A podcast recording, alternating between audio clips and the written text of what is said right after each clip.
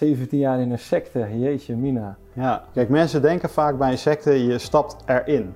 Ja. Nou, in mijn lezing gebruik ik dan het bordje secte, lever je leven in, wat er dus niet hangt. Ja, ja, ja precies.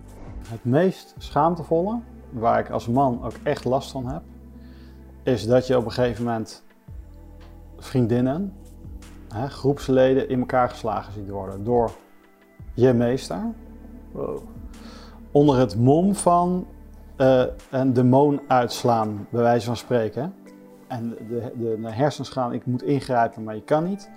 En er is eh, een soort bevriezing waarin je niks doet. Hmm. En dat zijn voorvallen die, die nou ja, daar, daar kan, dat, dat is eindeloos vaak gebeurd. Nou ja, dus zo ga je daar stapje bij beetje op, op allerlei manieren eh, kom je erbij bij in. Groot verschil bij insecten is dat zo'n eh, totalitaire leider of guru Hmm. echt een dubbele agenda heeft en vaak, slash misschien wel altijd, een narcistische of een psychopathische persoonlijkheid heeft. Maar Ja. kun je dan de conclusie trekken dat we in het groot ook in een secte leven? Nou ja, eh, je neemt de woorden uit de mond. Ja. Maar ja, tegelijkertijd denk ik, een secte is een, een afscheiding. Ja, Heb ik het Maar zijn wij niet totaal afgescheiden van de geestelijke wereld? Maar het grotere plaatje, dat is wel belangrijk. Hè? Het trauma is iets eigenlijk van ons allemaal. Dus als jij een trauma hebt, in de Hmm. kern, als je heel ver doortrekt, kan, Hmm. zou ik nooit gelukkig kunnen leven Ja. als jij met een trauma zit. ja, dat voel ik ook.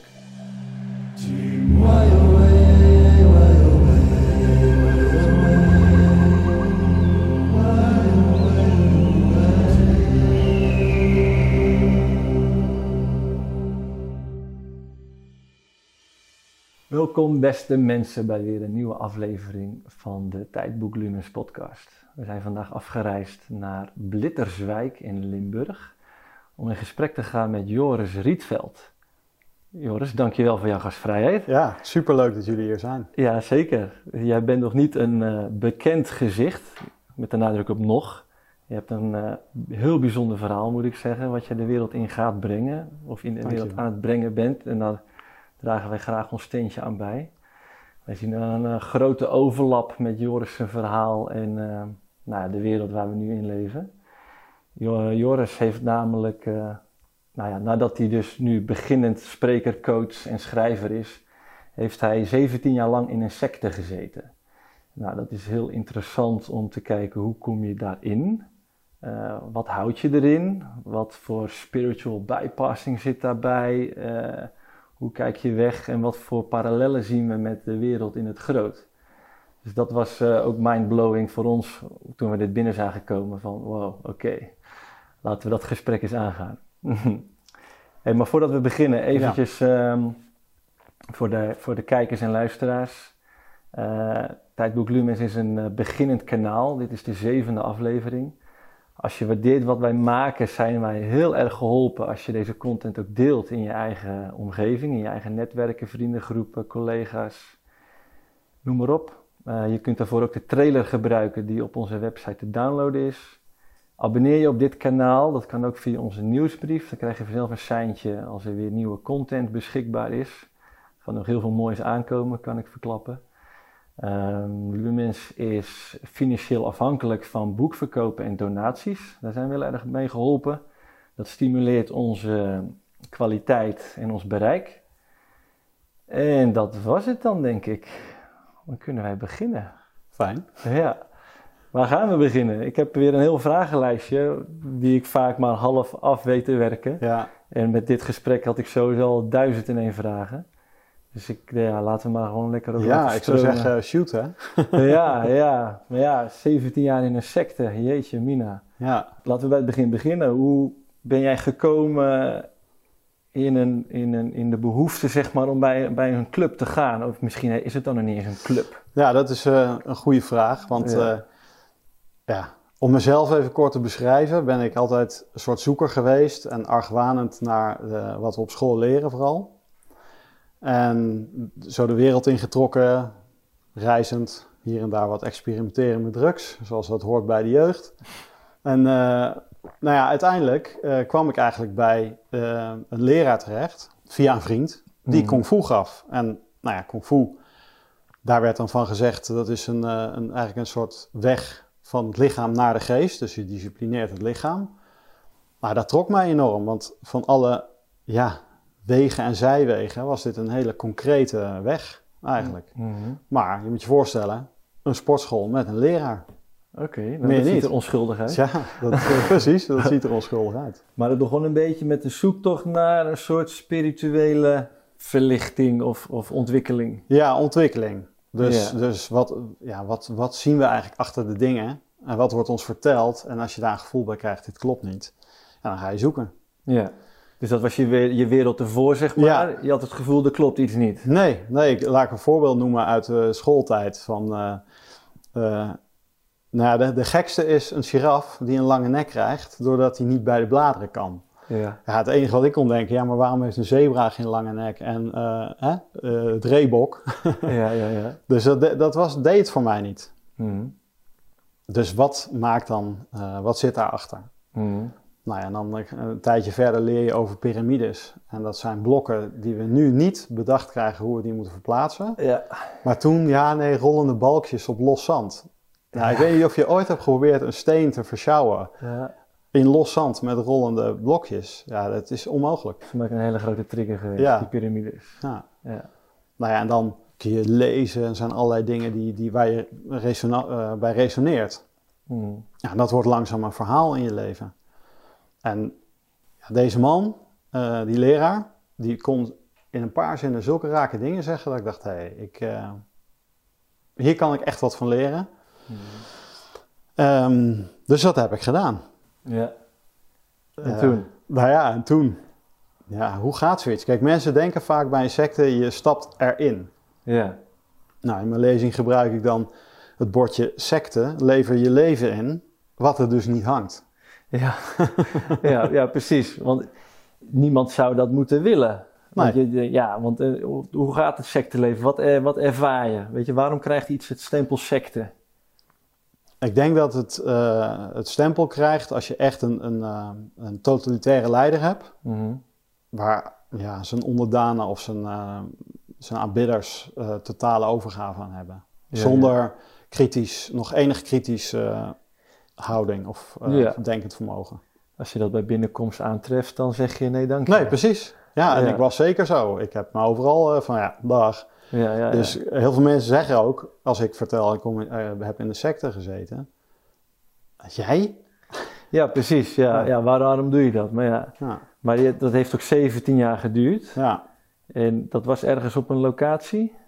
In Midden-Limburg, Ja, Kessel. En het is eh, ook wel bekend van eh, de kung fu secte uit Krantan. zo heette het. Ja. Dat die naam heeft, gekregen, gekregen. achteraf. Ja, precies. Kung Fu secte. Ja. Ja, dus vanuit de vechtsport, maar dat werd later ook meer spiritueel en... en- ja, kijk, de, eh, hij vroeg gewoon van, heb jij interesse om meer te weten achter, van de filosofie over Mhm. de vechtkunst? Nou ja, daar ging ik op aan natuurlijk. Ja. Wat is die filosofie? ja. En dan gaat het over de geest en, en beheersing van de geest. Jouw geest. Mhm. Nou ja, daar wordt dan een weg gespiegeld eh, van discipline. Nou ja, ik was bereid. En, Ja. eh, dat, maar dat gaat heel geleidelijk. Dus eh, eerst was het twee keer in de week trainen. Dan ga je een keer mee met de oude vriendengroep. Je gaat weg wanneer je wil of je komt wanneer je zin hebt. Maar op een gegeven moment word je raar aangekeken als je een keer niet bent. Oh, ja, ja, Nou, en daar krijg je het dat je conformeert ja, ja. aan de situatie zoals die eh, is of hoort te zijn. Nou, Ja, dan- dus het begint onschuldig, je komt Totaal. samen met vrienden, je gaat trainen en dan komt er toch ineens een soort onbewust eh, verplichtingsgevoel bij. Juist. ja. Ja. Dus zelfs zo, op een gegeven moment was ik met een paar vrienden op vakantie geweest. ja. En dan eh, de vraag van, ja, waar, waar waren jullie? Ja, wij hebben gewoon getraind. Meer niet, hè? En dit ging vooral nog over vechtsport toen. Ja, Nog ja. helemaal niet over spirituele nog- zaken of... eh, Ook wel, dat is vrij snel wel gekomen. Ja. Al is het tijdens de les dat hij wat noemt. Mhm. Waar, eh, ja, daar hebben heel veel mensen geen interesse in. Ja. Nou ja, die, die komen daar dan ook niet bij. ja. Dus die trainen gewoon. Ja. ja, dit oog nog onschuldig. Mannen die elkaar een beetje opstoken van kom op, trainen. Ja, Ja. En hoe ging dat toen verder? Ehm, ja, op een gegeven moment dan wordt het geïntroduceerd dat dit je echte familie is. Je hebt broeders of eh, vechtbroeders. Ja. Wij tegen de wereld, de drie musketiers, was ik dan met mijn vrienden. Ja. Nou ja, dat is eerst heel leuk. Kijk, dat zouden wij ook kunnen doen nu, hè? Dat je een, een beeld schetst van een wereld waar we het niet mee eens zijn. Mhm. Nou, en dan krijg je dat je daar tegenaan kijkt van ja, daar ben ik het inderdaad niet mee eens. Laten we een wereld creëren waar we het mee eens zijn. Ja, Dus daar, ja, daar is niks tegen, toch? Ja, ja, zou je zeggen, ja. Ja, nou ja, dus zo ga je daar stapje bij beetje op, op allerlei manieren eh, kom je erbij bij in. Groot verschil eh, bij insecten is dat zo'n eh, totalitaire leider of guru Mhm. echt een dubbele agenda heeft en vaak, slash misschien wel altijd, een narcistische of een psychopathische persoonlijkheid heeft. Ja. Wat wil dat zeggen? Mhm. Dat hij niet het vermogen heeft wat wij allemaal hebben, namelijk empathisch vermogen. Ja, ja. waarin je altijd grenzen overschrijdt, maar waar hij niet weet dat er een grens is. Ja, ja. Dus jij was met je vriendengroep. Er was onderling een soort sociale druk om erheen te gaan. Welke rol speelde die leider, guru toen? Uh, al- hij, hij deed zich voor als vriend. Ja, Hè, dus eh, ja, als je gevoelig bent voor vriendschappen en eh, ja. je, je geeft elkaar echt die, die, die knuffel Mhm, hè, van, mhm. eh, van ware vriendschap, dan nou, dat, dat, dat, is, dat is zalig. ja. Dus, en de, Ja, je voelt je thuis. je voelt je thuis. daar was je naar op zoek. Precies, Ja, ja. ja, ja, ja. En zo'n man, hè, een, een, een, een narcist of psychopaat, die heeft een spiegelende gave. Dus die, een van de manieren hoe dat werkt, dat kunnen wij niet snappen. Maar die senst wat jij wil. Ja. En daar kan hij perfect op inspelen. Ja. Dus, en dat heb, daar heb je niet door. Ja, nou, dat, dat zie je in deze tijd nou ook. Dus, ehm, er zit zo'n mooie kern van waarheid. Weet je, en daar haken mensen op aan. En ik geloof ook dat dat niet eens vanuit een, een beginsel al een kwaaie intentie in zit. Weet je, maar wat gebeurt er vervolgens met zo'n goeroe of leider nadat hij alle aandacht krijgt en bevestiging en dat de mensen om zich heen verzamelen? Ja. Hoe, hoe ging dat? Want in het begin was het gewoon sporten en, en Ja. toen? Nou ja, dat is, eh, dan ga ik even naar een andere kant van die groep. Ja. Toen wij kwamen, en wij, er waren drie vrienden. ehm, toen bestond die groep dus al. Mhm. Maar die deed dus al de dingen die ik later ook 17 jaar meemaakte. Ah, jij zat Alleen in een hij- inwerkingstraject. Precies, ja, zo gaat dat. Een ja. inwerkingstraject. En hoe lang bestond dat al voordat jij erbij kwam? In- volgens mij in 1985 zijn ze begonnen. Of is hij begonnen met het les te geven aan mensen. En ja, daar heeft hij mensen gevonden die hij eh, om zich heen kon eh En wanneer verzamelen. kwam jij erbij? 99. Dus in 85 was hij al begonnen, in 99 kwam jij erbij. Ja. Dus het was al even onderweg. Ja, zeker. Dus er waren een aantal echte ambassadeurs van, van niet fanatici. eh, Ja, nou ja, dat is het ook weer. Dan kom je en dan denk je, ja, het zijn allemaal bescheiden jongens, vriendschappelijk eh, Ja. en meiden. Eh, en als achteraf, dan denk je, "Goh, wat zijn die mensen soms timide of... eh, maar ja, je bent fris en daar leef je overheen, als het ware. Ja. Dus je, je zegt nog wat je denkt. ja, en er wordt ook niet veel meegedaan of, te, of tegen gedaan. ja, maar eigenlijk hadden ze gewoon nog iets achter de tong Ja, wat ze niet uiten. ja, alleen daarin waren die mensen, en dat, kun je, dat zag ik, zie ik dus aan mezelf al die jaren later, totaal al ontdaan van eh, hun identiteit. En gewoon opgeslokt, bijna in een soort coma, kun je bijna zeggen. Wauw. ja, En hoe lang heeft het bij jou geduurd voordat jij in dat co- comatueuze zat? ja dat- misschien een jaar of vijf, zes. Ja, dus ja. alles is, het is ook heel leuk, hè. Dus motorrijden, trainen, Mm. gewoon, eh, we zagen eruit als beren. Mhm. Je leert vechten. Nou, hoe heerlijk is dat om als man te voelen dat je gewoon Je mannetje staat. ja, je mannetje staat. Dus Ja. dat, eh, ja, dat, eh, dat kun je elke vechter vragen. Dat is, eh, Ja. Ja. je, je bent er. Ja.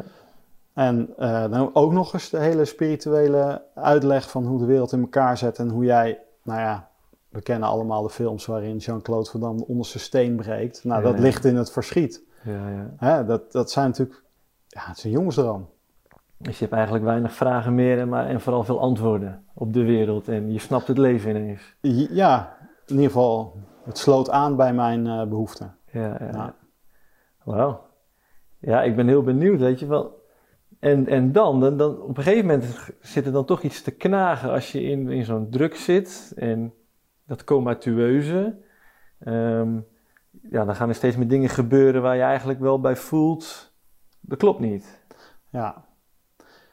Ja. Je kunt zeggen dat je dat eigenlijk altijd hè, houdt, Ja, maar dat er wordt zo'n dun stemmetje. Eh wil ga maar na in het gewone dagelijkse leven hoe moeilijk het is om, om precies dat te volgen, Mhm. hè, wat waarachtig is. ja, Nou, ja.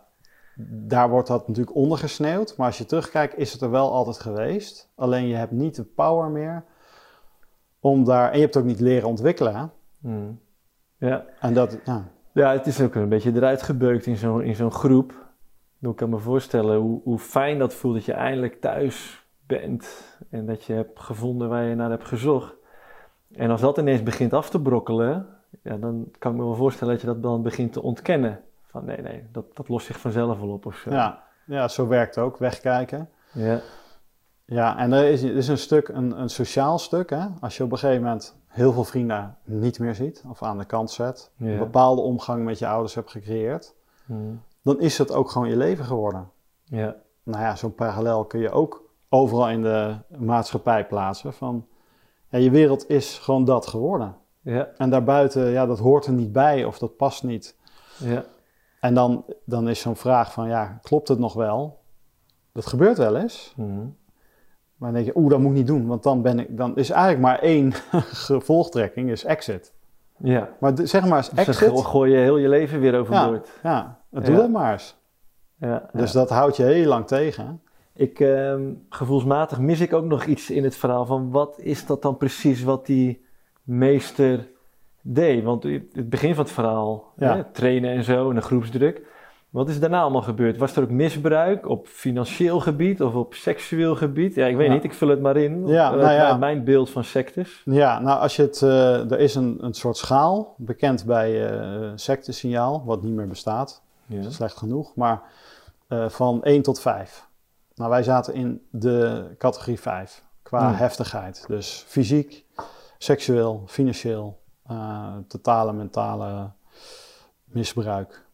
Ja, Oké. dus Wil je heel daar, heftige eh, shit. Wil je daar meer over delen? Ja, eh, op zich sta ik helemaal open. Hmm. daarover. Dus ehm, kijk, in mijn persoonlijk geval ehm, ben ik, kwam ik bijvoorbeeld uit die groep met eh, een hele grote schuld. Van alles wat je aan elkaar leent, het gekonkel om dingen voor elkaar te krijgen. Ja. Dus een hele grote financiële achterstand.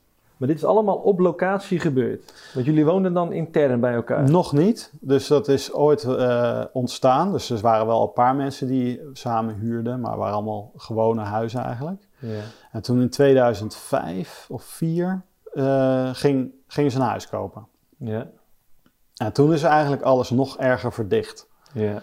En, en eh, er- ja, ernstiger geworden. Ja, je bent vooral met elkaar en nog Ja. minder met de buitenwereld in Ja, contact. precies. Ja. Ja. Ja, dan kan het wel snel gaan, kan ik me voorstellen. ja. En heel erg fout gaan. Ja. Ja. Ik zou daar toch graag nog verder op willen inzoomen.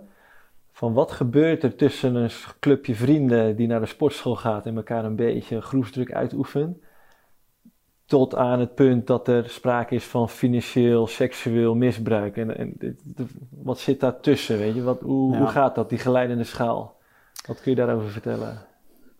Dat die onmerkbaar is.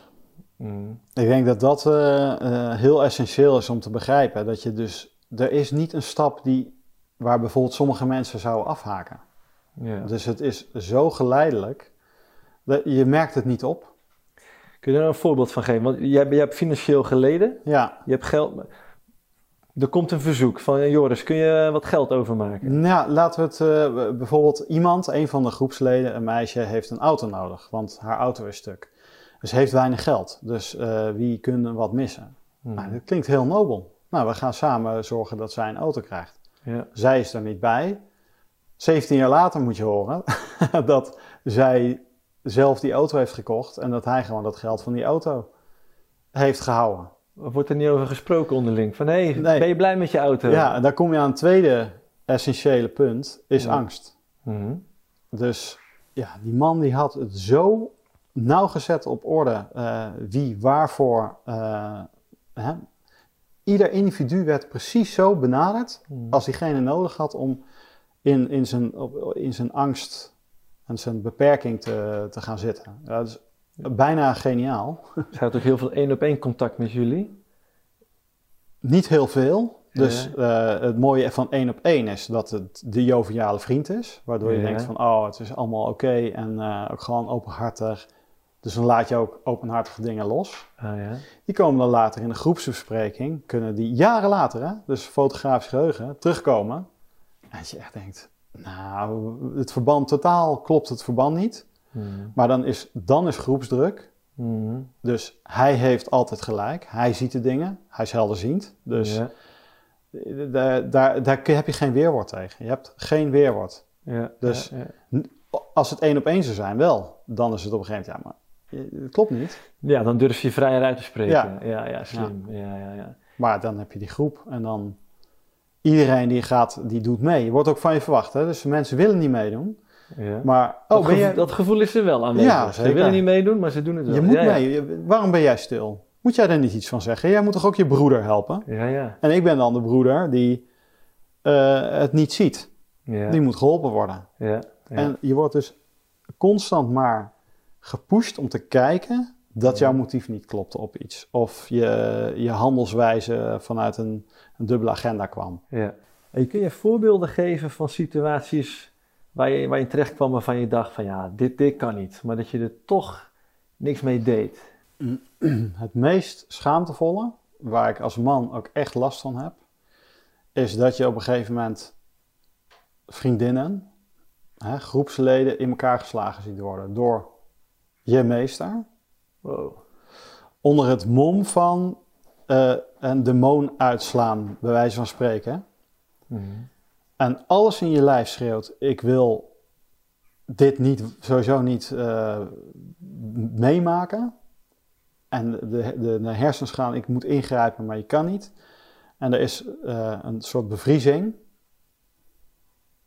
waarin je niks doet. Mhm. En dat zijn voorvallen die, die nou ja, daar, daar kan, dat, dat is eindeloos vaak gebeurd. Mhm. En zo is het natuurlijk als je één keer niet ingrijpt Mhm. en twee keer niet, waarom zou je de derde keer ingrijpen? En eh, dus de angst is daarin is de grootste ja, verkeerde raadgever geweest. Maar je moet je voorstellen, de keren dat iemand voorzichtig ingrijpt, al is het René, dit is toch niet nodig, Mhm. Dan kan het hele spektakel zich 180 graden draaien en ben jij, die, die, ben jij de klos. Mhm. Dan zou je kunnen zeggen, ja, heel nobel toch om je op te offeren. Mhm. Maar je hebt 20 man die daarin meegaan.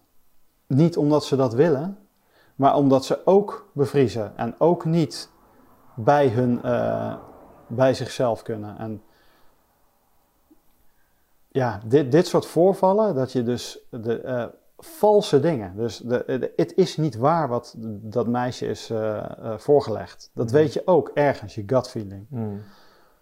Ehm, zo zijn mij natuurlijk ook honderden dingen te lasten gelegd. Die ik dan maar moet gaan bekijken. En iedereen roept: Je moet kijken, want nee, die ziet het toch. Mhm. Dus je gaat kijken en je herkent ook dingen die, eh, die worden gezegd. Hè? Noem maar verwaandheid. Dat is een, een universeel iets. Iedereen kan ten prooi vallen aan verwaandheid. Ja, en ik heb het ook in me om ergens verwaandheid te hebben. Dus dat ga je dan zien. Ja, dus je krijgt een verwijt en de aandacht wordt afgeleid naar dat stukje in jou. Ja. Wat je dan herkent ergens. Ja, en dan, en dan ga je zelf helemaal, omdat je ook dat onze weg was. Hè? Dus je, Ja. jezelf helemaal vrijmaken van ego. En dat, ja, de termen vliegen je om de oren. En je wil daaraan voldoen Ja. Om een, een echt een verlichte krijger te worden. Mhm. En als jij nog verwaandheid hebt, als jij nog zus, nog zo, Dan ja, dat dan, stukje druk dat moet eruit. Ja, Dus daar ga je dan in mee. jeetje. Ik vind het echt heftig, man. Weet je, ik zit me dan ook af te vragen, maar wat was daarvoor dan? Ik, ik zou echt elk puzzelstukje van, hoe kan dat in godsnaam? Ja, Wie weet komt er nog een boek. ja. Eh, want het is inderdaad ongekend. En wat bijvoorbeeld mij ja, echt eh, heeft, heeft doen, eh, doen duizelen. Dat naderhand ging ik met iemand anders spreken die in de groep had gezeten. En daar gaat dan een hele wereld open van allemaal dingen die diegene heeft meegemaakt. Waar ik half en half bij was met mijn coma-bewustzijn. Verschrikkelijk. En dat keer misschien wel 30, 40 man. Want ik heb ze allemaal niet gekend. En ja, dat is, dat is, daar sta je echt eh, sta je van te duizelen. Ja, van die verhalen. ja ik sta nou ook te duizelen. Dit is echt... eh, ja, dan ook weer ja, de link naar de wereld in het groot. Ja, van deze maatschappij kunnen we ook duizelen. Ja, zeker. Wat er allemaal gebeurt en, en Ja. geaccepteerd wordt. Dat je echt denkt, maar je ziet het toch. Weet Ja. je, maar ja, het is normaal. En zodra je het een keer hebt geaccepteerd... Ja. Hoe, hoe is jouw, hoe is jouw vervolgproces geweest? Ik bedoel, dit soort dingen heb je ja, dan, dan geaccepteerd, ben je meegegaan.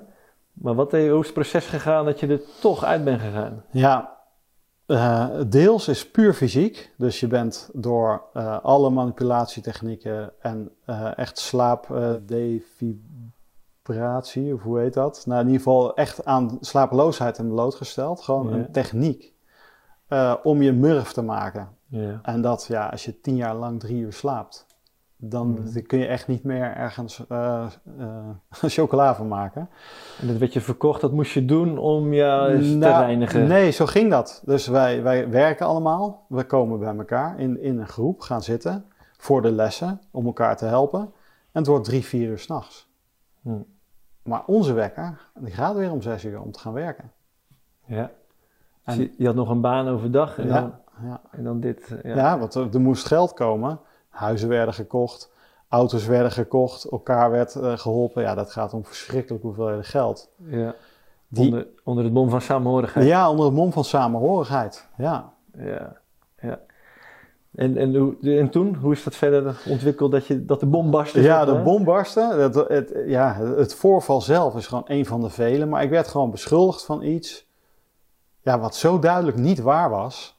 Hmm. Dus eh, ja, ik kan het noemen. Ik had een, een motorfiets aan een van de vrouwelijke leden gegeven. Ja. Die heb ik gekocht van geld wat, eh, ja, wat van mij was. Hmm. En uiteindelijk eh, krijg ik gewoon te horen: ja, maar jij geeft mijn motor weg. Dus hij beschouwde gewoon die motor als van hem. Ja.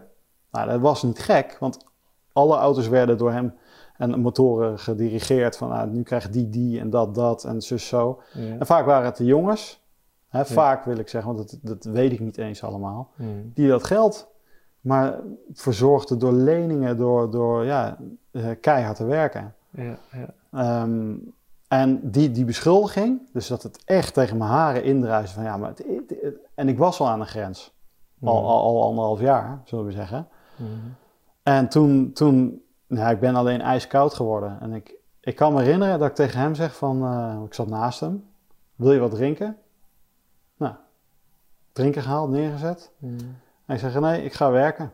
En ik deed toen ja, heel veel coördineren in eh, nou ja, onze inkomstenbron in de, in de wietteelt. Ik verzocht alle auto's. eh, ja, ja. ja. je moet ergens op een gegeven moment echt goeie, goed geld vandaan halen. Ja, anders Wat- is niet houdbaar. Ja, maar laat me je ver- vertellen dat dat dus niet werkt. Nee, Het nooit. put. Nee, put. Ja. En eh, ik kom daar beneden en ik ga door het lent. Hè, in mijn eentje. Ik, ik pak een apparaat, ik, ik smijt het alle kanten tegen de muur. En vrienden komen binnen en ik zeg gewoon ja, ik ben klaar mee. Hmm. Het is gewoon een, een van de zekerheid van ja, ik, ik ga dit niet meer doen. Ik ben helemaal klaar. Hmm. En toen heb ik gezegd, ja, zeg maar dat ik hoofdpijn heb. Ik ben er morgen niet. Ik woonde bij hem op dat terrein. Hmm. En uiteraard komt hij aan mijn deur geklopt. Had hij aan die groep verteld, ik ga hem wel eens eventjes eh, die homo eh, bij zijn haren trekken. En, eh, Ja, ja. en hij komt bij mij en zegt, zo, weer hoofdpijn, sukkel. En ik ben gewoon, ik ben doorgegaan met door het lint gaan. Tegen hem. Ja. En hij schrompelt in elkaar op de bank. Hmm. tranen in zijn ogen. Sorry dat ik, dat ik, dit, dat, dat ik je dit heb aangedaan. Hij is gewoon een leguaan die zich aanpast. Ja. Maar eh, voor mij was het eh, duidelijk van... eh, dit is het einde. En we hebben elkaar wel nog een soort van vriendschappelijk o- omhelst. Van hey, het is weer goed. Maar ja, ik wist gewoon... Ik zie hem gaan. Ja. En dat is ook het punt waarop ik gewoon helemaal ja, wakker werd. Hè. Dat heb ik in mijn artikel geschreven. Ik werd wakker. Ik was in één klap helemaal klaar wakker in mijn hart. Ik was... Het stroomde en ik wist, dit is, eh, dit is het Ja. einde. Hmm. Ja. En een nieuw begin. En een nieuw begin. En daar had hij ook niks meer aan kunnen doen. Ja. ja. Ja. Wauw. Dus echt even snappen Ja, en releasen. ja. Ja. heel erg. Dus, eh, Ja. en toen heb ik daar nog een paar maanden gewoond. Ja. Omdat ik ja, een soort van alles mee wilde nemen wat voor mij was. Zoveel mensen hebben dingen achtergelaten in een soort van blinde paniek om te vertrekken. Daarvoor al. Ja, daarvoor. En mensen hebben allemaal dezelfde verhalen hè, van nervous breakdown. Gewoon klaar, op, gaat niet meer, weg. Ja. Ja. Maar dan maar alles achterlaten. En dat kreeg ik gewoon niet voor elkaar. Dus ik heb daar alles meegenomen. ja. Ook van mensen eh, die het achter hadden gelaten. Van bellen van, nou, is dat van jou? Of heeft hij dat betaald? Nee, is voor mij. Nou, meenemen. Oh, wat goed. Maar geen strobreed in de weg gelegd. Dat was al heel verwonderlijk. Zo van, wat gek eigenlijk. Al die tijd angst. En nu geen angst. Echt en een alles is mogelijk. Ja, totale illusie. Totaal. Gewoon, huh? Ja, wauw. Ja. Ja. En nou ja, voor mij was het leven, eh, ju- juichte me toe. Hm. Nou ja, en dan raak je met mensen in gesprek.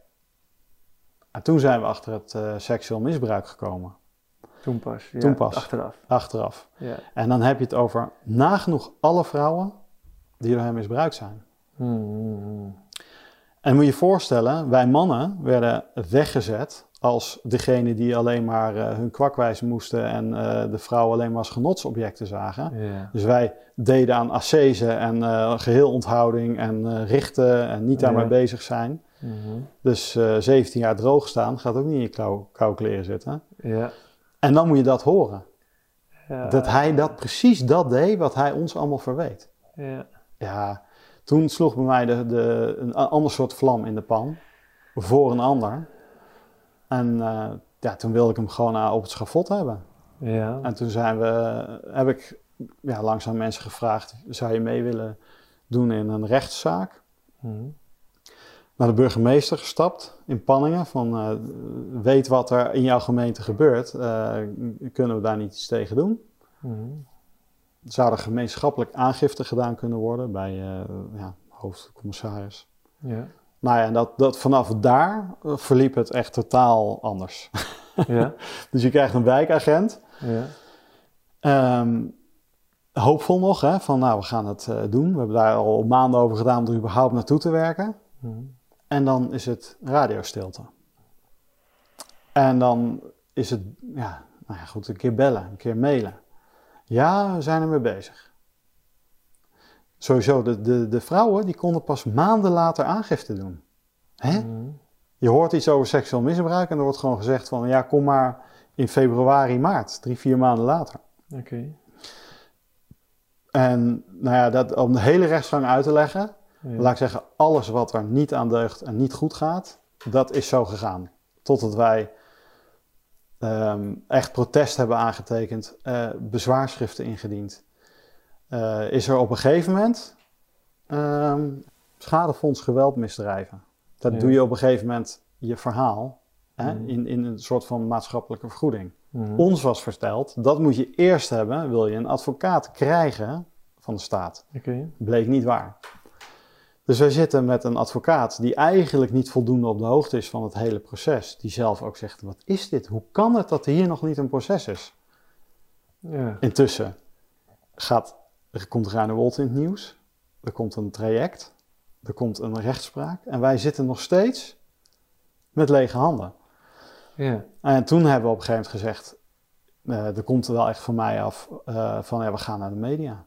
Ja. Gewoon dan maar zo. Mhm. En eh, nou ja, net toen ik dat wilde gaan doen, kregen we een brief van, eh, nou ja, we gaan er naar kijken. Dus hebben we het weer afgehouden. Maar dat naar kijken is gewoon een stuk tekst. Er gebeurde niks. En waarom stagneert dat zo? Het is een, eh, ik heb het vermoeden, het is een te ingewikkeld verhaal. Het is een verhaal wat geweest is. Mhm. En een heel pijnlijk stuk is, seksueel misbruik is gewoon niet meegenomen überhaupt. Want ze zeggen, heb je nee gezegd? Mhm. Je hebt geen nee gezegd. Ja. Ja. En er zijn mensen die wel nee hebben gezegd, hè, maar het was gewoon Ja. te moeilijk om dat wettelijk eh, ja, sluitend te krijgen. Dat is dan een soort van ja, de wegschuiver die je krijgt. Ja. Maar er is geen onderzoek gedaan naar dat stuk.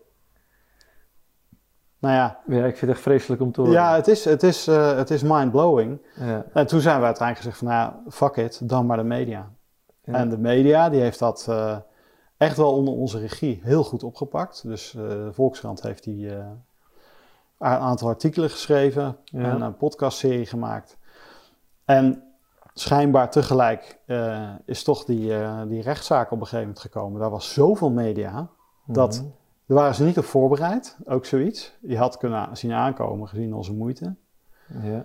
En, eh, En ze, de, de, de secte bestond gewoon nog, ging vrolijk verder. nee, nee, dat is eh, het andere stuk. Ja. Toen ik daaruit was, eh, ben ik onder andere met een aantal mensen die daar nog maar half bij zaten gaan praten. Ja. Eh, een en ander kwam los, hè, een aantal mensen. En op een gegeven moment is er een van de, van de vrouwelijke leden naar de, de vriendin van René, de, de, de echte Mhm. platonische vriendin, gegaan. Mhm. En die heeft het seksueel misbruik onthuld. Mhm. Zij geloofde dat niet. En is naar andere meiden gestapt. En toen eh, is het heel snel gegaan. Ja, ja. Dus toen, Toen escaleerde het. ja, ja, en toen hebben we eigenlijk toch wel een soort van samenwerking van mensen die erin zaten en daarbuiten eh, de hele boel losgetrokken. En eh, ja, dat is het einde geweest. Ja. Was, het, was het bij de secteleider ook zo dat hij iets hè, ergs voorstelde of deed of zo, en dat dan weer een beetje introk als er te veel weerstand kwam uit de groep? En dan, dat zie ik nou in de wereld in het groot, er wordt Ja. van alles geprobeerd, Ja. er komt te veel ophef, wordt het ietsje gevierd waar dan weer iedereen in meehobbelt. Ja, nee, heel herkenbaar. Ja. Eh, het ergste voorbeeld daarvan zou je kunnen. En dat heeft nooit eens gewerkt bij ons. Mhm. Maar hij heeft het wel eens gehad over als we nou met z'n allen in een bus het ravijn in rijden. Mhm. Dan incarneren we ook samen en dan kan ik jullie weer verder helpen. Ja, dus dit raakt aan wat er ook daadwerkelijk in he- hele extreme sectes gebeurd is. Hè? Ja. Dat mensen gewoon ge- eh, samen gif innemen. Ja. Maar daarin was zo, werd zo soort van lacherig gereageerd. Hè? Dat, Ja, dat, ja. dat, dat was dan de gemeenschappelijke toch een tendens. Maar hij heeft het soort van geopperd. Ja. En zo ging het heel vaak. Iets opperen. Ja. En na maanden kon het uitgewerkt worden. En op een gegeven moment dan werd, dat, werd dat een feit. Ja. Ja. Eens een voorbeeld. Mhm. Wat dan niet slaat op het, eh, het terugtrekken. Maar was hij begon op een gegeven moment over Russisch roulette. Mhm. Nou, dan heb je het over Russisch roulette. En op een gegeven moment vertelde hij dat hij dat een training was op zijn eh, hogere school. Dat je dus moet leren zien wanneer de kogel ervoor zit. En, dat, dat, en op een gegeven moment, ja, je, je kunt je voorstellen dat dat kan. Als Ja. je zo intuïtief wordt, dat Ja. je dat ziet. Nou ja, wij geloofden natuurlijk dat hij dat, die kunst bezat. Ja. Nou, na maanden ging hij op een gegeven moment zeggen, ik ga dat aan jullie laten zien. Ja. Dan zie je dus iemand, zie je drie kogels in dat ding doen. Ja. Van de zes? Van de zes, en dat is een eh, six-shooter, drie erin. Hij gaat zo zitten, draait. Hij zegt, nee, nee, als ik moet nu niet doen. Klik, zit niks. Nou, je zit, dus je zit zo. Dat hele introductieverhaal van maanden, dat, dat is al een deel van die indoctrinatie. Dus je, je, je, je gelooft wat je ziet. Ja. Wel, Als ik het zo vertel, denk je toch ook van dat gebeurt. Op een gegeven moment is hij klaar. Dan loopt hij naar buiten. Klik, klik, pang, pang, klik, pang. Ja. In de grond. En je ziet ook echt een kogel, er is geen geen losse vlot. Ja, je, nou ja, je kunt niet kogels zien, maar je hoort pang. En dan is het geen... eh, ja, dat zou een losse vlodder kunnen zijn, precies. Maar dat, daar is geen ruimte geweest om dat te bedenken. Nee, nee. Dus alles zegt van, ja... Dat, Dat maakt eh, wel indruk. Ja, naar de hand ga je het helemaal reconstrueren en dat hele verhaal zien. Mm. Dat hij precies achterlangs bij de piano waarschijnlijk drie eh eh, leeghulzen erin heeft gedaan. Of net wat, of de kogels eruit. Hij had niks anders te doen hè, dan dit soort dingen te anseneren, hele Ja. dagen. Ja, ja, ja. ja, wat je ook vertelde toen jij eh, contact zocht. Je had via onze website een mailtje gestuurd. Ja, Wat je dus ook was gaan zien nadat je eruit was gestapt. hoeveel parallellen je ziet om je Ja. heen. Dat eigenlijk de hele wereld eigenlijk vergelijkbare patronen vertoont. Ja. Hoe mensen met elkaar omgaan en met leiding Ja. omgaan. ja. Ja, wat, wat dat zag je allemaal? ja eh, in eerste instantie kwamen we natuurlijk met justitie in aanraking. Ja, Nou ja, daar heb je natuurlijk een hiërarchie van heb ik jou daar, maar die is zo groot dat eh, het los zand wordt. Maar ook eh, het eerste eigenlijk waar ik tegenaan liep, als een mensen zeggen van ja, maar secte, daar zou ik nooit intrappen. Hmm. En dan ga je nadenken, ja, maar, hè, maar dat, dat klopt niet. nee. En dan ga je zien, eh, dan had ik bijvoorbeeld een gesprek met iemand en die zegt ja, mijn baas en ik, ik word altijd onder, onderdrukt en ik wil eigenlijk die, die andere functie en dat gaat niet. En ze werken me tegen en ik doe zo mijn best. En dan zeg ik, ja, maar dan ga je toch weg, ga je een andere baan zoeken. Ja, maar zo eenvoudig is dat niet, want je hebt hypotheek. En, maar dat zijn dezelfde argumenten die je hebt als je in een sector zit. Ja. Je gaat niet zomaar weg. Ja. En Dus het gedrag van leiders, bazen wordt gedoogd, ja, maar bij andere bedrijven ook. mhm. Dus je kan wel overstappen, maar misschien dat het op heel veel verschillende plekken zo is en is het daardoor ook maar geaccepteerd. ja. ja. Ik denk dat eh, wat jij net noemde van een top-down structuur, Ja, Hè, wat, wat, eh, dat vertegenwoordigt natuurlijk maximaal in de secte in het heel in het nauw. Mhm. Maar in het bedrijfsleven heb je toch ook bepaalde regels waar je aan voldoet. Wij spreken eh, dezelfde kledingstijl. Ook Ja. al zit die broek niet lekker. Dan ben je al. En dat is een heel dun grensje. En natuurlijk moet je die aan. ja, ja. Ja, ik hoor wel eens van, van bedrijfsfeestjes wat voor gekke dingen daar gebeuren. Ja. Nou ja, we, we hebben laatst natuurlijk ook in het nieuws meegekregen wat er op het studentenkorps in eh, Amsterdam eh, Ja. uh, aan toespraken worden gehouden en vrouwenvriendelijkheid. Ehm, maar dat, ja, dat, komt, dat lekt dan uit in dit geval. Mhm. Maar ja, dat is, dat, is een cultuur. ja. Weet je, en dat wordt gedoogd, want het is er gewoon. ja, maar denk je dat alle jongens die daar zitten, even vanuitgaan dat het eh, allemaal mannen zijn, Ja. allemaal dat waarachtig vinden? Ja. Dat kan toch niet? Nee, nee. Iedereen, weet je, dat ook met Katie vanmorgen in de auto over. Er is echt zoiets als natural common law. Weet je, ieder mens heeft een geweten. Hoe Ja. diep verstopt dat ook zit, of, of ver weg lijkt te zijn. Ja. Dat zit in ieder mens, weet je. Dat is ook wat ons verenigt, iedereen. Ja. Dat is de eenheid die we ook zijn, die we voelen van binnen. Dus ja, helemaal. En dat er een paar zijn die daar in verdwaald raken en zo'n gekke toespraak houden, wil helemaal niet zeggen dat de rest... Ja.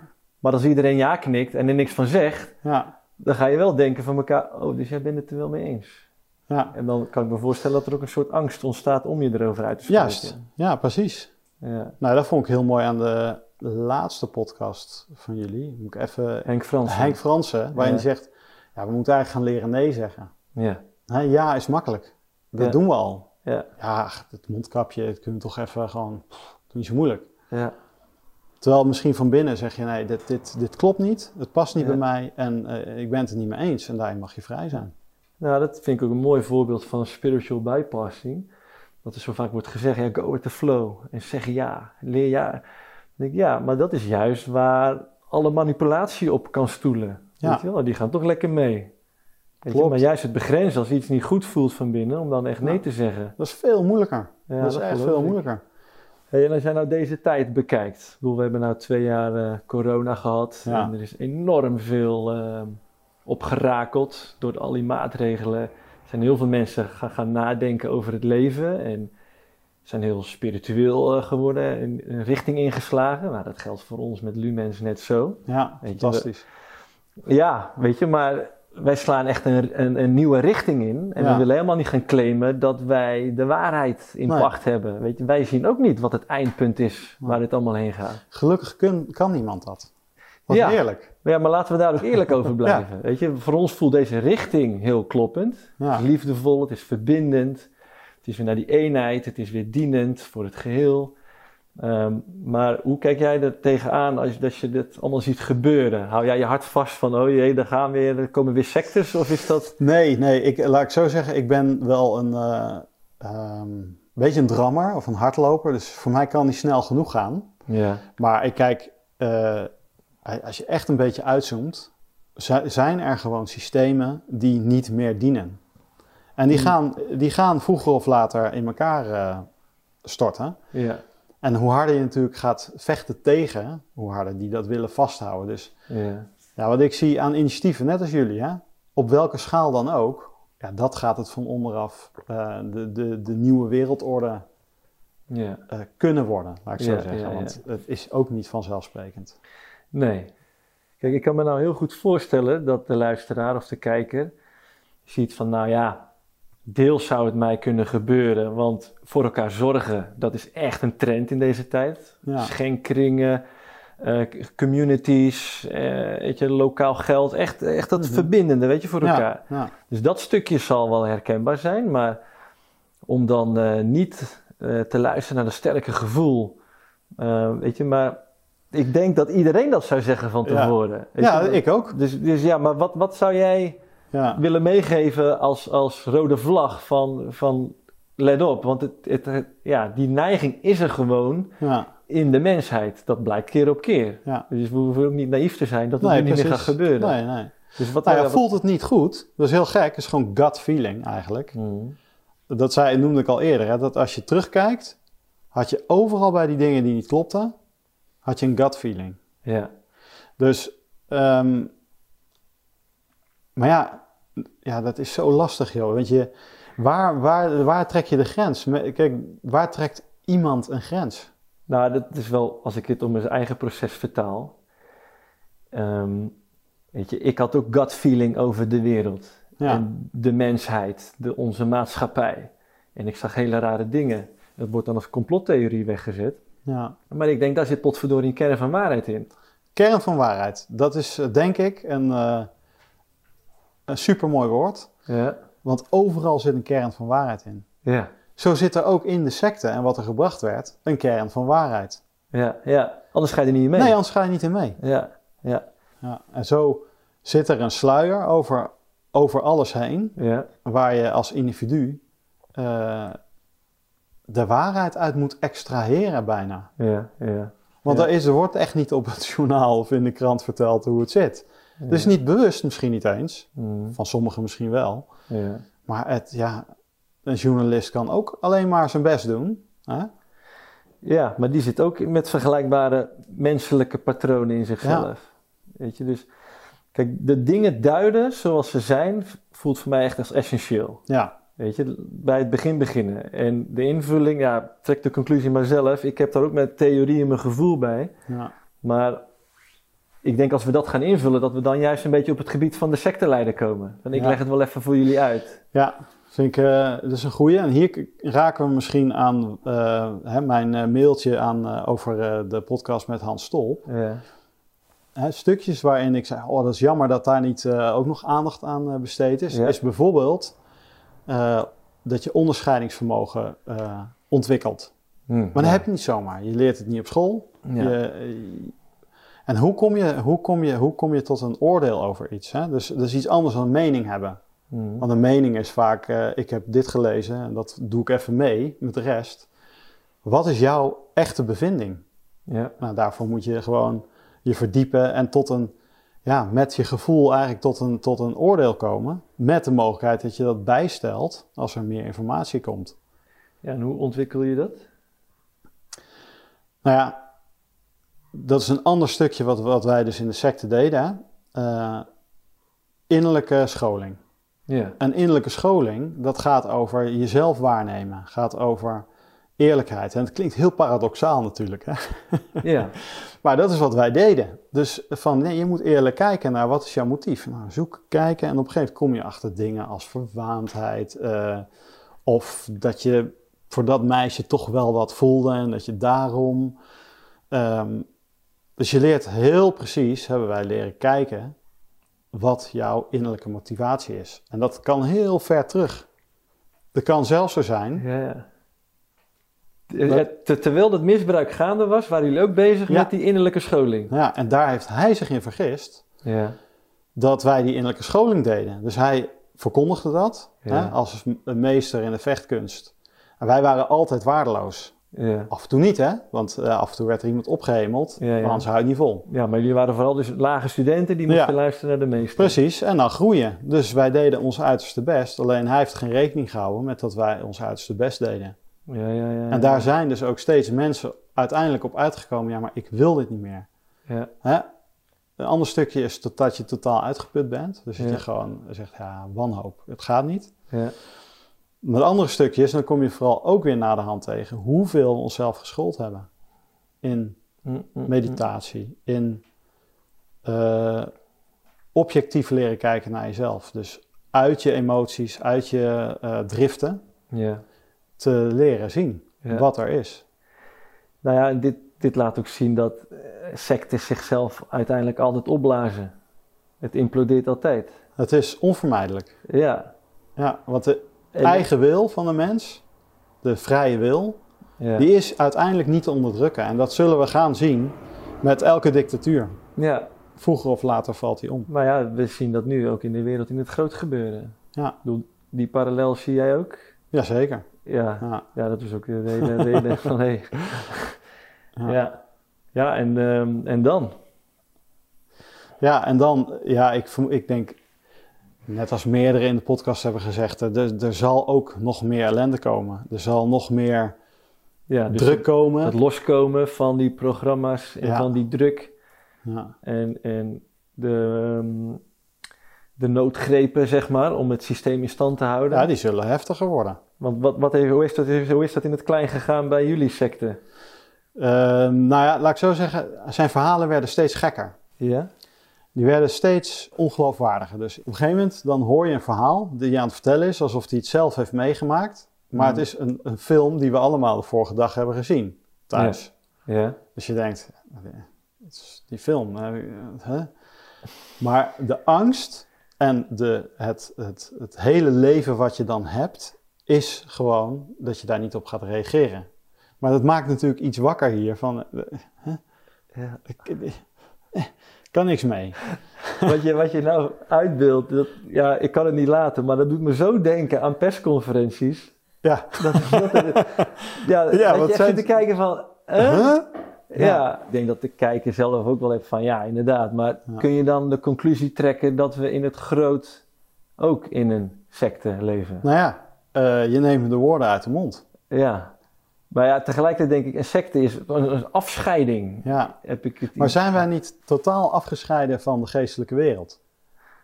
Nou ja, totaal niet. Totaal niet, Maar- maar Voor een, ja, ja, voor een heel groot deel zijn, zijn we eigenlijk afgescheiden van de ja. natural common law, van, van de Ja. natuur. Want waarom hebben we daar eh, gesprekken over van dat bestaat niet of dat bestaat wel of is dat wetenschappelijk bewezen en waarom zijn al die gesprekken daar schijnbaar ehm, polariserend, Ja, terwijl je kan het ook als onderzoekend noemen, ja. alles wat, wat botst en frikt en, en kijkt, maar het laat zien dat we het eigenlijk niet we weten. zijn op zoek naar iets. op zoek naar iets. Ja. en we staan tegenover elkaar. Nee, het zit Ja. zus en zo, maar uiteindelijk willen we allemaal hetzelfde.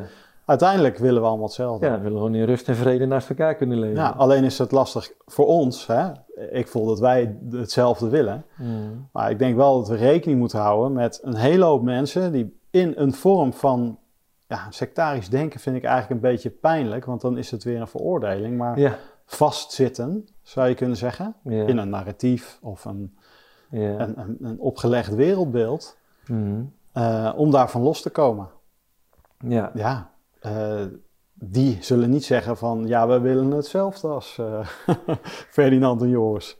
Nou, ik, ik, het is ook heel interessant, want jij hebt het gewoon in het klein meegemaakt. Ja. Maar de psychologische processen zijn super vergelijkbaar. Weet je, dus even terug beredeneren. Jij zit in jaar nummer eh, 12. Je zit midden in eh, Ja. hè? het secteleven. Wat had iemand van buitenaf bij jou kunnen brengen... wat jou aan het denken had gezet en los kunnen weken... of bewust kunnen maken waar je in zat? Nou, dat is, dit, dit is denk ik wel waar je blij van wordt. Ja. Eh, liefdevolle interesse. Hmm, Dat is het enige. De deur open houden. Ja. Zeggen de deur staat open. Ja. Eh, warmte uitstralen. Je bent altijd welkom. Dat is Mm. bijna het enige wat je kunt doen. Ja, wauw. Ja. Doet me ook denken aan Bob de Witse uitspraak. Er komt pas een revolutie als er een alternatief is. En dat alternatief, dat zal liefdevol moeten zijn. Ja, Ja, toevallig is het ook het mooiste wat er is om te bouwen. Dus het is niet een trucje van, oh, we moeten iets liefdevols Nee, bouwen. liefdevol nee, kun we je niet willen iets. Nee, liefdevols bouwen. Ja. Je, dat, we willen niks lievers. ja. Ja, dus we kunnen doen wat we aan het doen zijn. maar wat is, hoe geef jij er nu invulling aan? aan, aan wat is jouw missie nu? Ja, mijn missie is eigenlijk mensen helpen om naar zichzelf te leren kijken. Je innerlijke leider te vinden. En dan heb ik een beetje iets tegen dat soort, al dat soort begrippen, hè, waar hele coachboeken eh, vol van staan. Want hè, daar hadden we het net al over. I- ieder mens is uniek. Er Hmm. is geen één DNA hetzelfde. Hm. En ja, als je beseft dat eh, jij een unieke levensmissie hebt, een karmische weg, noem het eh, tot en met verwerking van voorouderlijke trauma's, Ja. super uniek, dan, dan is het, dan wil je ook eh, daar ontvangen worden, Ja. om het zo maar te zeggen. ja, gezien worden in je Ja. uniekheid. Ja, En niet platgeslagen als een eenheidsworst. juist. Ja. Ja, en dat is het tegenovergestelde van wat, ja, wat, wat, eh, wat er van overheden hè, en top-down gewenst wordt. Dus Ja. controle en Ja, e- uniformiteit, ja, uniformiteit. controleerbaarheid. Ja. Ja, dan is het eh, te sturen, dan, dan, ja, dan is het te begrijpen, te voorspellen wat, eh, wat er gaat komen. Ja, Als iedereen uniek is, dan is het lastig te voorspellen. ja te kun je ook geen wet op loslaten. Hè? Want je zou dus bij spreken elk mens helemaal apart moeten bekijken in... eh, Ja, Nou ja, als je het heel ver doortrekt van, nou goed, wat, zijn jouw, wat is jouw karma wat je meebrengt? Ja, dan is het zelfs te begrijpen dat je bepaalde zaken gedaan hebt. En dan heb je Ja. deze hulp nodig. ja, ja. Niet vier muren en zoveel jaar, dat is geen enkele oplossing voor niemand. Ja. Nee, ik, ja, ik vind het hartstikke mooi. Het doet me ook denken aan, eh, aan wat Henk Fransen zei. Van, ja, we zijn als mensheid in ontwikkeling naar iets nieuws. Ja, Weet je, en zo zie ik ook dat we allemaal een soort tijdelijke wegwijzer kunnen zijn voor elkaar. Ja. Met de nadruk op tijdelijk. Ja. En zo'n secteleider. Misschien dat hij echt met hele pure intenties begonnen is. En dat al die aandacht hem toen gekaapt heeft.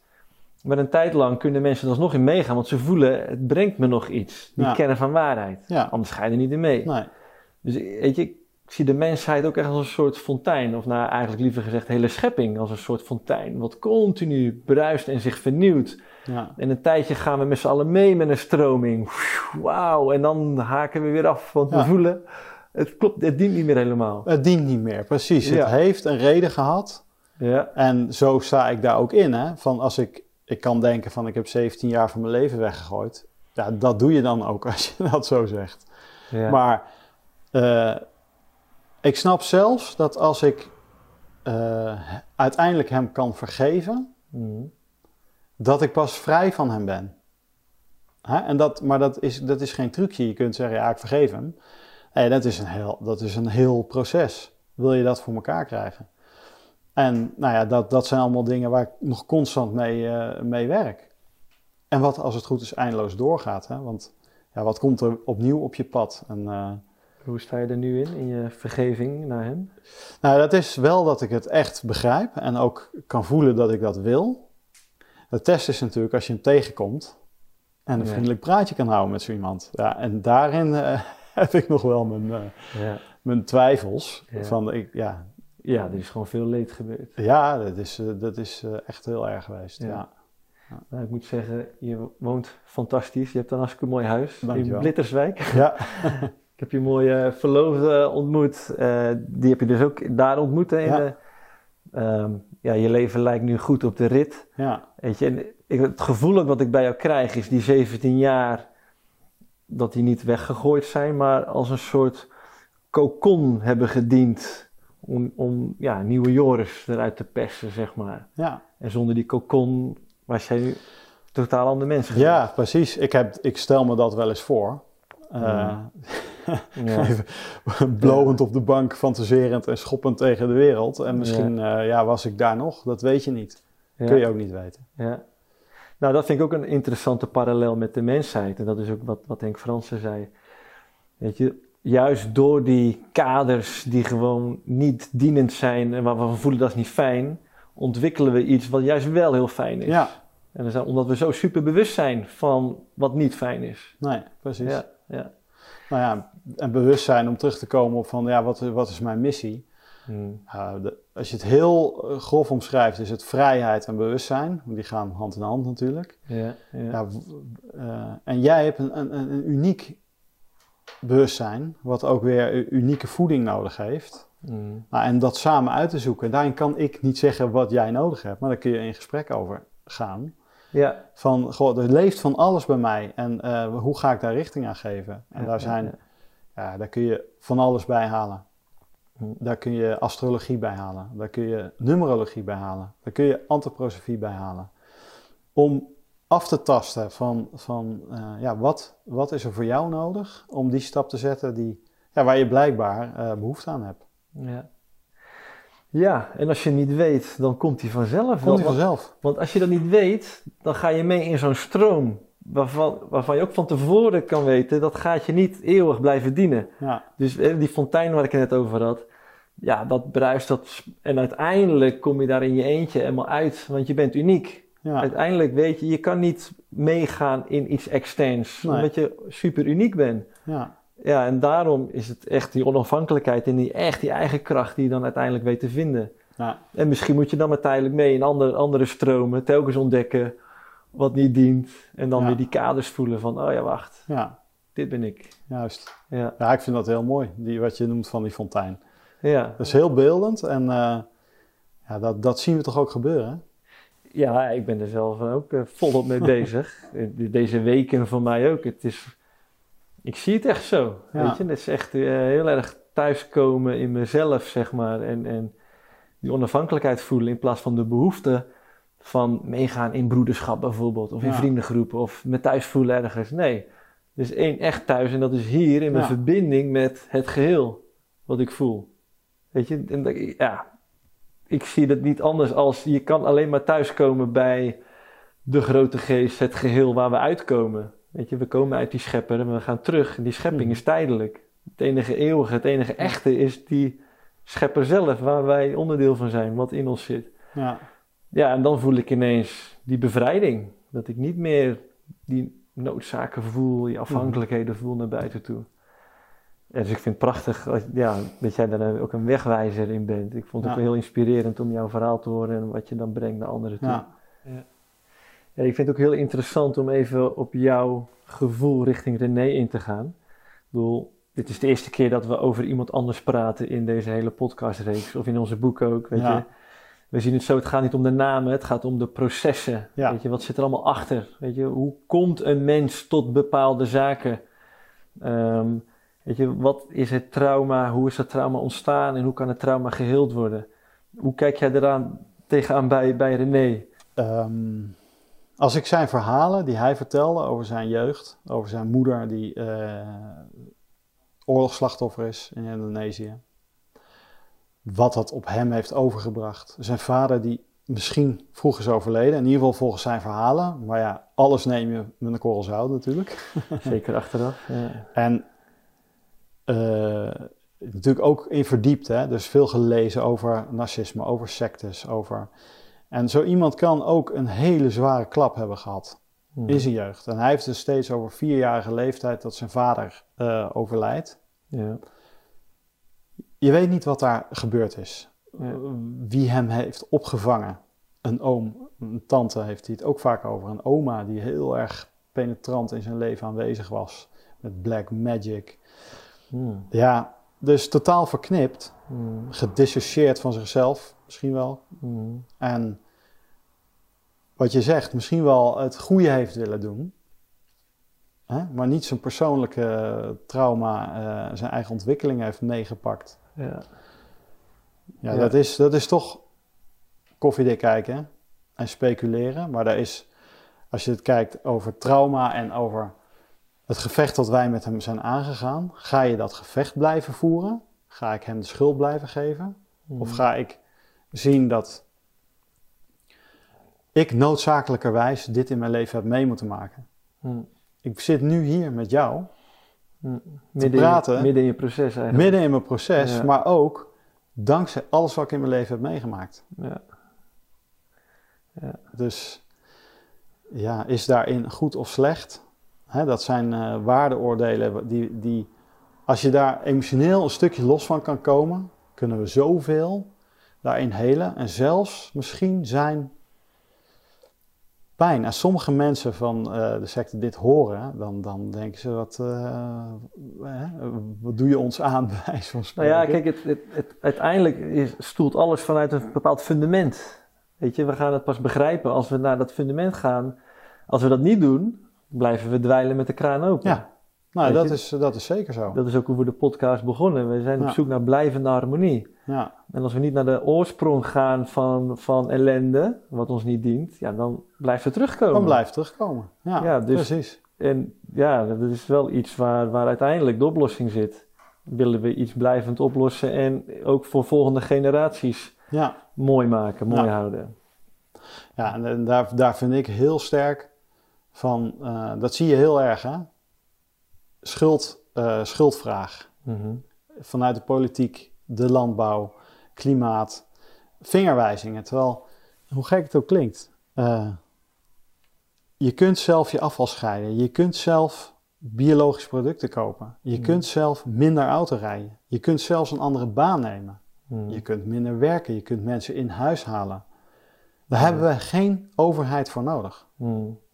Dat zit in jouw bewustzijn, ja. die mogelijkheden. ja, het is een overtuiging. eh, nee, het is- dat, wat je net vertelde over dat je heel bang was voor bepaalde zaken. Maar dan stap je eruit en dan neem je al die spullen mee. En er gebeurt niks. Nee. Gewoon echt een illusie. Ja, Weet je, en het wordt maar in stand gehouden waar we elkaar ook in blijven voeden. ja. Ja. Ja, en wat ik later in, in mijn coachopleiding ben tegengekomen is eh, bijvoorbeeld geweldloze communicatie, waarin de, de, je, ja, als er agressie is, als je dat gewoon niet beantwoordt, dan heeft het geen bestaansrecht. Ja, mooi, ja.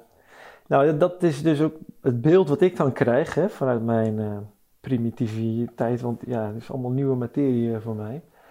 Ehm, je, zo iemand is ook op zoek naar een thuis en een fijn gevoel. En ik heb wel eens een percentage gehoord dat 4% van de mensheid is psychopathisch. Dan wil ik dat stempel niet op deze persoon plakken, maar we weten gewoon niet wat er allemaal speelt bij, bij mensen. En iedereen doet zijn best om het fijner te maken voor zichzelf. Ja, En gaat erbij over grenzen. Weet je, en dat vind ik nou zo inter- interessant om daarop in te zoomen van... Wat zoeken, wat zoeken mensen? En Mhm. hoe kunnen we dat nou faciliteren op een andere manier ja, die niet schaadt ja, voor het zelf en de ander? ja. Ja. Nou, als je eruit bent, eh, laat het ons weten. ja je, je noemde net al eh, proces, hè? We zitten hier midden in mijn proces, maar we zitten ook midden in jouw proces. Ja, In ieder die hier in de kamer zit, ja we zitten op een richting. Wij weten ook niet waar Nee. het eindigt. Of, eh, En als je dat heel ver uitzoomt, zijn we met z'n allen, met alle problematiek, in één heel groot moment. ja. Niet een gisteren, niet een morgen. Mhm. Er is gewoon één gigantisch moment waarin alles gebeurt. En in een van de podcasts, eh, volgens mij de laatste ook, dat licht wat uit alle cellen straalt. Hè? ja. Ja, in feite, hoe meer je nu straalt, hoe meer licht er is op dit moment. Ja, dat, dat, dat is het. Ja, dat, dat, dat zie ik ook zo. Ja. Weet je? En, eh, jij, jij was aangeslagen op de podcast met Hans Stolp. Ja, En jij zei ook heel mooi om uit het schema van goed en fout denken te stappen. Van zwart-wit. ja, Weet je, we, we zijn allemaal, we komen uit die eenheid. En daar gaan we ook weer naartoe. En wat er ertussen gebeurt, lijkt dan heel zwart-wit. En er is ook gewoon leed. Weet Ja. je, maar hoe gaan we daarmee om?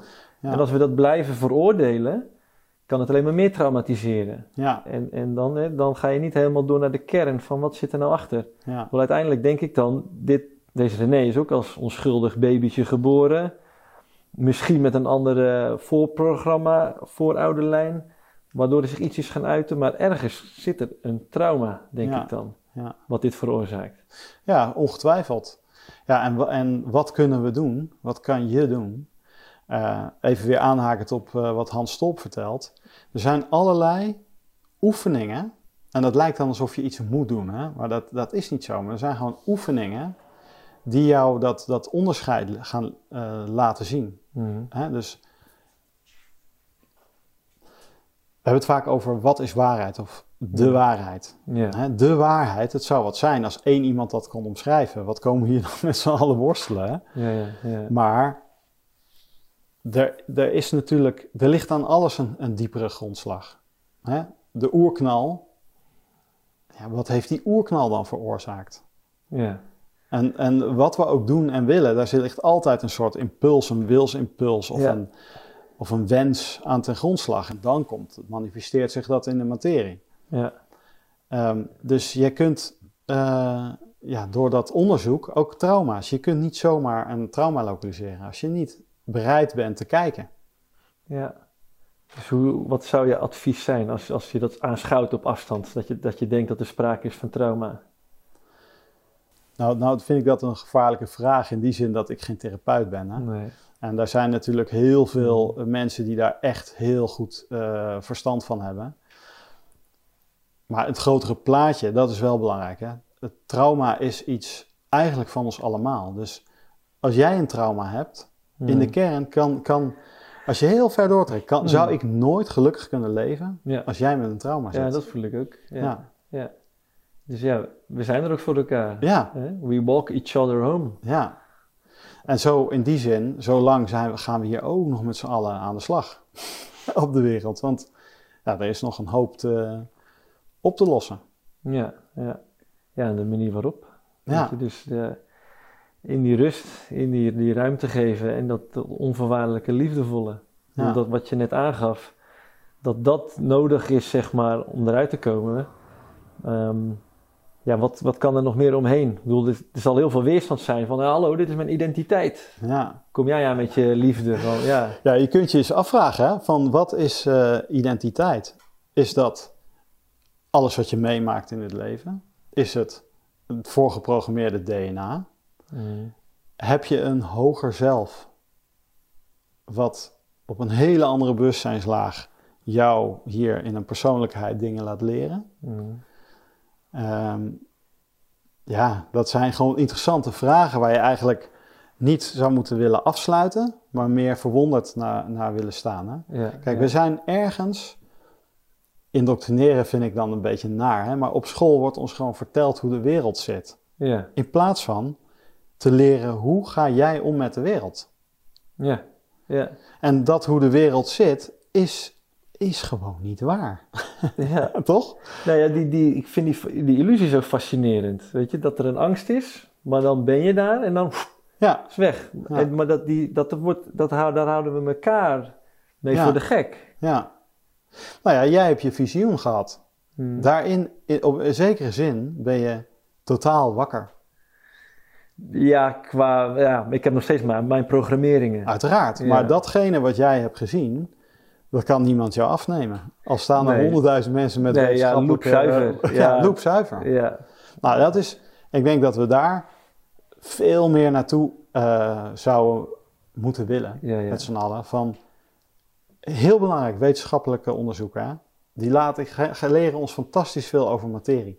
Maar er, er kunnen nu toch geen honderdduizend wetenschappelijke onderzoeken jou overtuigen en zeggen: ja, maar het is niet waar wat je hebt meegemaakt. Nee, nee, Dat kan niet. nee. Nee, daar ga ik heel, met heel veel compassie dan naar kijken. Ja. Ik bedoel, Ik weet dat alles uiteindelijk thuis gaat komen in die ene conclusie. En dat iedereen daar ook echt oprecht zijn best voor doet. En dan Ja. het aftasten is van, werkt dit, werkt dit? En dan soms helemaal in de overtuiging dat het werkt. Ja, Maar in die overtuiging voel je al die verkramping. Dus ergens is er al een gevoel dat het toch niet helemaal Ja. klopt. Want waarom is die verkramping er dan? Weet je, en uiteindelijk weet je, komt het allemaal vanzelf wel thuis. En het enige wat we ervoor kunnen doen is ja, een soort spaceholden en wegwijzer zijn. ja. En het uitstralen. Nou, en dat is super essentieel. Dus alle mensen die, eh, die ergens een soort zekerheid hebben van ja, maar het is oud, dat, dat klopt niet. Alsjeblieft, ga ervoor staan. Hè? Zonder dat jij het weet. Hè? Want ik, ik, maar, ja, ik weet het van mezelf, waar ik in geloof en wat, eh, wat voor mij waar- waarheid is. Met een openheid wat er allemaal nog bij kan komen. Maar ga daar alsjeblieft voor staan. De wereld heeft het, heeft het schreeuwend nodig om mensen die nee zeggen, maar ook gewoon glimlachend eh, eh, ja, de verkramping van, eh, van bepaalde zaken kunnen aanschouwen. En zeggen van ja, het, het, het komt wel goed. Ja, Ehm, het komt wel goed. Eén kanttekening. En dan gaan we even terug naar eh, Hans Stolp, als je het goed vindt. Ehm, hij noemt daar eh, het Arimanische, hè, ja, een Luciferische kwaad, ja, als eh, echte persoonlijkheden bijna. Hè? Mhm. Het zijn en identiteiten. Het zijn eigenlijk geestwezens, Mm. ver boven onze pet. Dus laten we niet gaan definiëren wat ze allemaal kunnen en doen. Maar... ja, ja, ja. En zij hebben een opdracht om ons mensen aan het werk te houden, aan, Mhm. aan het twijfelen te zetten en van het pad af te brengen. Waarom? Mm.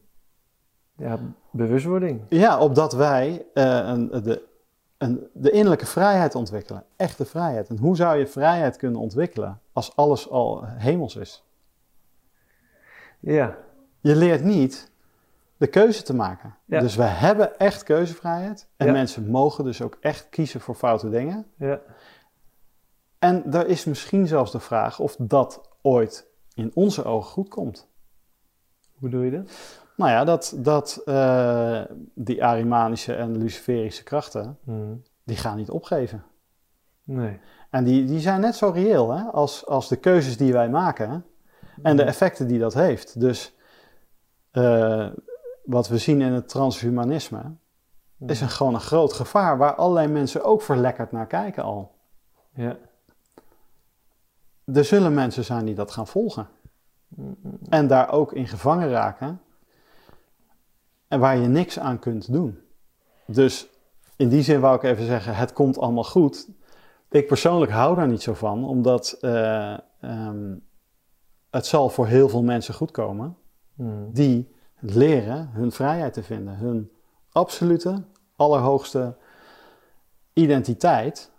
Wat niet een vaag eh, energieveld is, maar gewoon Ja. ja. een, een, ja, Ja, ik zie die energie ook wel. Lucifer Ariman, ik vond het een geweldig gesprek. Eh, ik zie bij jou in de kast ook heel veel Steiner boeken staan. Je stoelt niet op niks dat jij Nee. daar zo op aansloeg. nee, En die energie uitte zich onder andere via Lucifer en Ariman. En het dient iets om er bij de les te houden en, Ja. en bewust te worden. Dus van het padje af, bewust worden, oh wacht, dat dient niet. En dan weer door. Ja. En ook al sta je alleen, Mhm. je weet het van binnen. Ja. Met die natural Maar common dit law, om het zo te noemen. dat is zo essentieel. Ja. Hè? Dat, dit, en dit kan het ook niet opleggen aan een ander. Hmm. Dit kan het alleen maar zelf eh, ervaren. Ja, want als het een ander oplegt, dan heb je juist weer die afdwaling en die, Ja, dan zit je weer uit die echte directe verbinding. ja? Want iedereen is uniek hier en komt iets unieks brengen. En dat is alleen maar vanuit die directe verbinding te voelen. ja. En als we dat elkaar gaan wijsmaken, ja, dan kom je in dit soort verstrikkingen terecht Ja. waar je na 17 jaar pas... eh, ja. ongelooflijk man. ja. Ja, ik vind het echt heftig. Ja. En je hebt een, mooi- ik vind dat je een mooie energie hebt en wat je de, de wereld in Dankjewel. inbrengt. Ja, ja dat is ook echt wel. Er is natuurlijk heel lang een eigen verwerking geweest en een, eh, een, een soort. en een boksen en zo. Snap ik. Maar ik zie zo erg inderdaad de parallellen in de wereld, waar mensen gewoon ja, gevangenen zijn in feite. Net als ik een gevangene was. En je ziet het niet. Hm. En wat kun je eraan doen? Ja, dat, dat beetje voeding van het klopt niet. Of, of wat is er nog meer? Hm. Om daar klaar te staan, Ja. in feite. Ja. En om iets te verkondigen, nee. Om te kijken, wat heb jij nodig bij jou?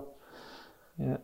Met jouw ervaringen, hè, wat zou je aan je medemensen ja, in het land en maar ook buiten. Nederland, gewoon in de wereld, ja, wat, wat zou je meenemen of mee willen geven? Ja, Ik bedoel, ik vroeg net aan jou de vraag, of ik stelde jou de vraag van, wat hadden mensen om je heen kunnen doen om jou Mhm. bewust te maken, eruit kunnen halen? ja. Wat is jouw advies voor, wat zou je doen? Heel even nog daarop ingaand, omdat ik, ik snap dat je dat ook graag wil. Hè? Dat je weet wat je kan doen. Ten eerste is het heel lastig om te, te beseffen dat iemand in een secte zit. Je kent waarschijnlijk, wij allemaal mensen die in sectes zitten, waarvan je het zelf niet weet. Dus er zijn bepaalde symptomen waar je op een gegeven moment een vermoeden hebt. En wat ik net bedoelde met liefdevolle interesse is, ga het gesprek aan en veroordeel het niet. Mhm. Want hè, zodra iemand had gezegd, ja, je zit in een secte, hè, was mijn weerstand groter geworden, was ik er harder in gaan zitten. Mhm. Mhm. En, zo, en dat zie je in de communicatie nu heel erg. Hè? Bijvoorbeeld, noem maar even de boeren en het stikstofprobleem. Ja. Waarom ga- wordt er niet gevraagd, wat is jouw behoefte? Hè? Eén boer. Waarom 20.000 boeren? Wat is jouw behoefte? Wa- waar zit hem voor jou het probleem? Dus eh, daar bedoel ik mee het gesprek aangaan, omdat er dan andere dingen boven water kunnen komen.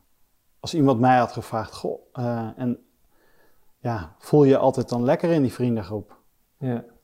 Ik had geen antwoord hoeven geven, maar het zal in mij iets aanmaken van, oh, ja, nee, ik voel me eigenlijk niet eh, altijd lekker daarin.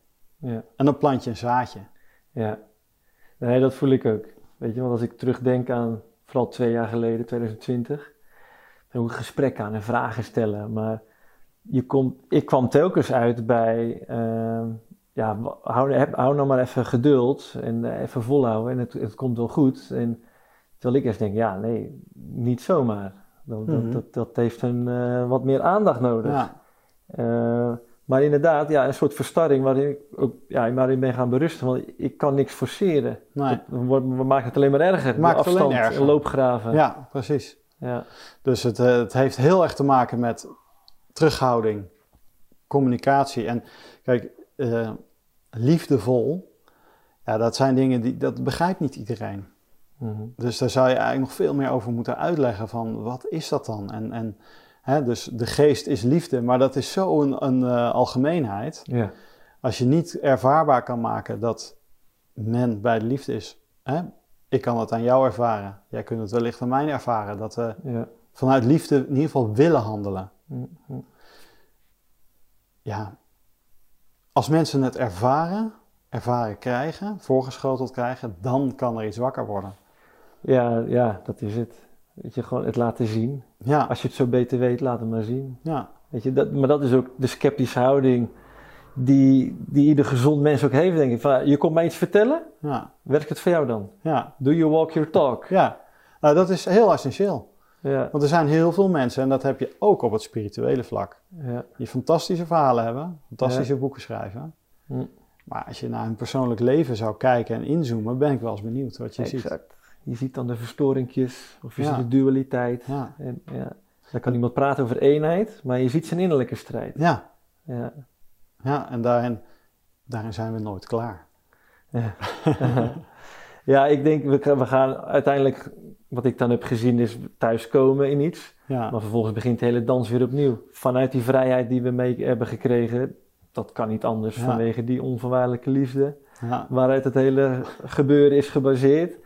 En dat is het meest mooie. Dus Ja. waarom zou je het op iets anders willen baseren dan onvoorwaardelijke liefde? Ja. Maar dan heb je die vrijheid, dus die afdwaling is ook weer onvermijdelijk. ja, Dus het enige wat we kunnen doen is dat zoveel mogelijk ja, kaderen, mooie dingen maken, zodat mensen blijven herinnerd worden aan. ja, herinnerd En worden. onszelf blijven herinneren aan het mooie waar we vandaan komen. Precies. Het is ook herinneren. Ja, ja. Het En opnieuw naar binnen gaan. Ik vind remember ook zo'n mooi woord in het Engels. eh, hè, je bent een member, Ja, dus remember, terugkomen in die eenheid. Ja. Remember, ja. herenigen, ja, ja prachtig. Mooi einde. mooi. Ja, prachtig. Heb je nog een laatste wijsheid, eh, boodschap die je wilt delen, wat ze- wat je van het hart wil? Ja, ik zou wel één ding willen zeggen. Ehm, voor alle mensen die eh, vaak zeggen van, ja, dat is mij te zweverig. Of ik sta met twee voeten op de grond. Ja, Je kunt je afvragen, waarmee sta je op de grond? ja. Als jij overlijdt, dan lig je. Mm, mm, Sta je niet op de grond met je geest? ja. Nou ja, dat sluit mooi aan bij, bij de visie die wij hebben voor, voor Lumens, zowel het boek als, als de podcast. Weet je, we proberen mensen een podium te geven die met beide benen op de grond staan, in de realiteit. Dus niet wegkijken van een Mhm. deel van de wereld. En in een eenheidsbewustzijn kunnen communiceren en de zaken kunnen duiden. Niet vanuit strijd. Ja, Weet je, dus, maar vaak zie je of een of het ander. Dus wel heel mooi licht en liefde en bloemetjes, maar wegkijken van een stuk realiteit. Eh, of andersom, wel van alles zien wat misgaat, kindermisbruik, en, maar daar in, in een strijd mee zitten. Ja. Waar ook niet de oplossing in zit. Nee. Weet je, daar zit voor ons echt de oplossing in beide. Dus en van het eenheidsbewustzijn in het geheel staan. En ja, dan ben je voor mij echt ja, met beide benen op de grond. Belichaamd als mens. Ja. Dat je je kan doen waarvoor je bent gekomen. en dan naar eigen waarheid het goede doen. Ja, naar eigen waarheid. Ja. Aho, Ja, dankjewel. mooi. Nou, dan zijn we weer bij het einde gekomen van deze podcast nummer 7. Ik hoop dat jullie ervan hebben genoten. Eh, ik wel, ik vond het geweldig. Dankjewel voor jouw eh, openhartigheid, eh, Joris. Het is niet niks wat je allemaal hebt meegemaakt. Graag gedaan. Eh, en dankjewel ook dat je tijdens je proces zo openhartig durft te zijn. Ik, bedoel, ik kan me voorstellen dat het ook kwetsbaar is. Dus ik vind dat extra krachtig en dapper. Dat is heel mooi. Dankjewel. Ja, Jij ook bedankt hè, voor ja, dat je mij hebt uitgenodigd. Of jullie. ja. Ja, Nou ja, Hele voor eer. mij is het ook een, een zoek- en vindtocht. En dit zijn ook dingen waar wij, eh, die we op het pad tegenkomen. Van, hè, nieuwe goeroes, nieuwe leiders. Eh dus vind heel interessant. Het, licht wat jij, eh, dat perspectief wat jij daarin mee kan geven. Ja, heel, heel verhelderend. Dus super.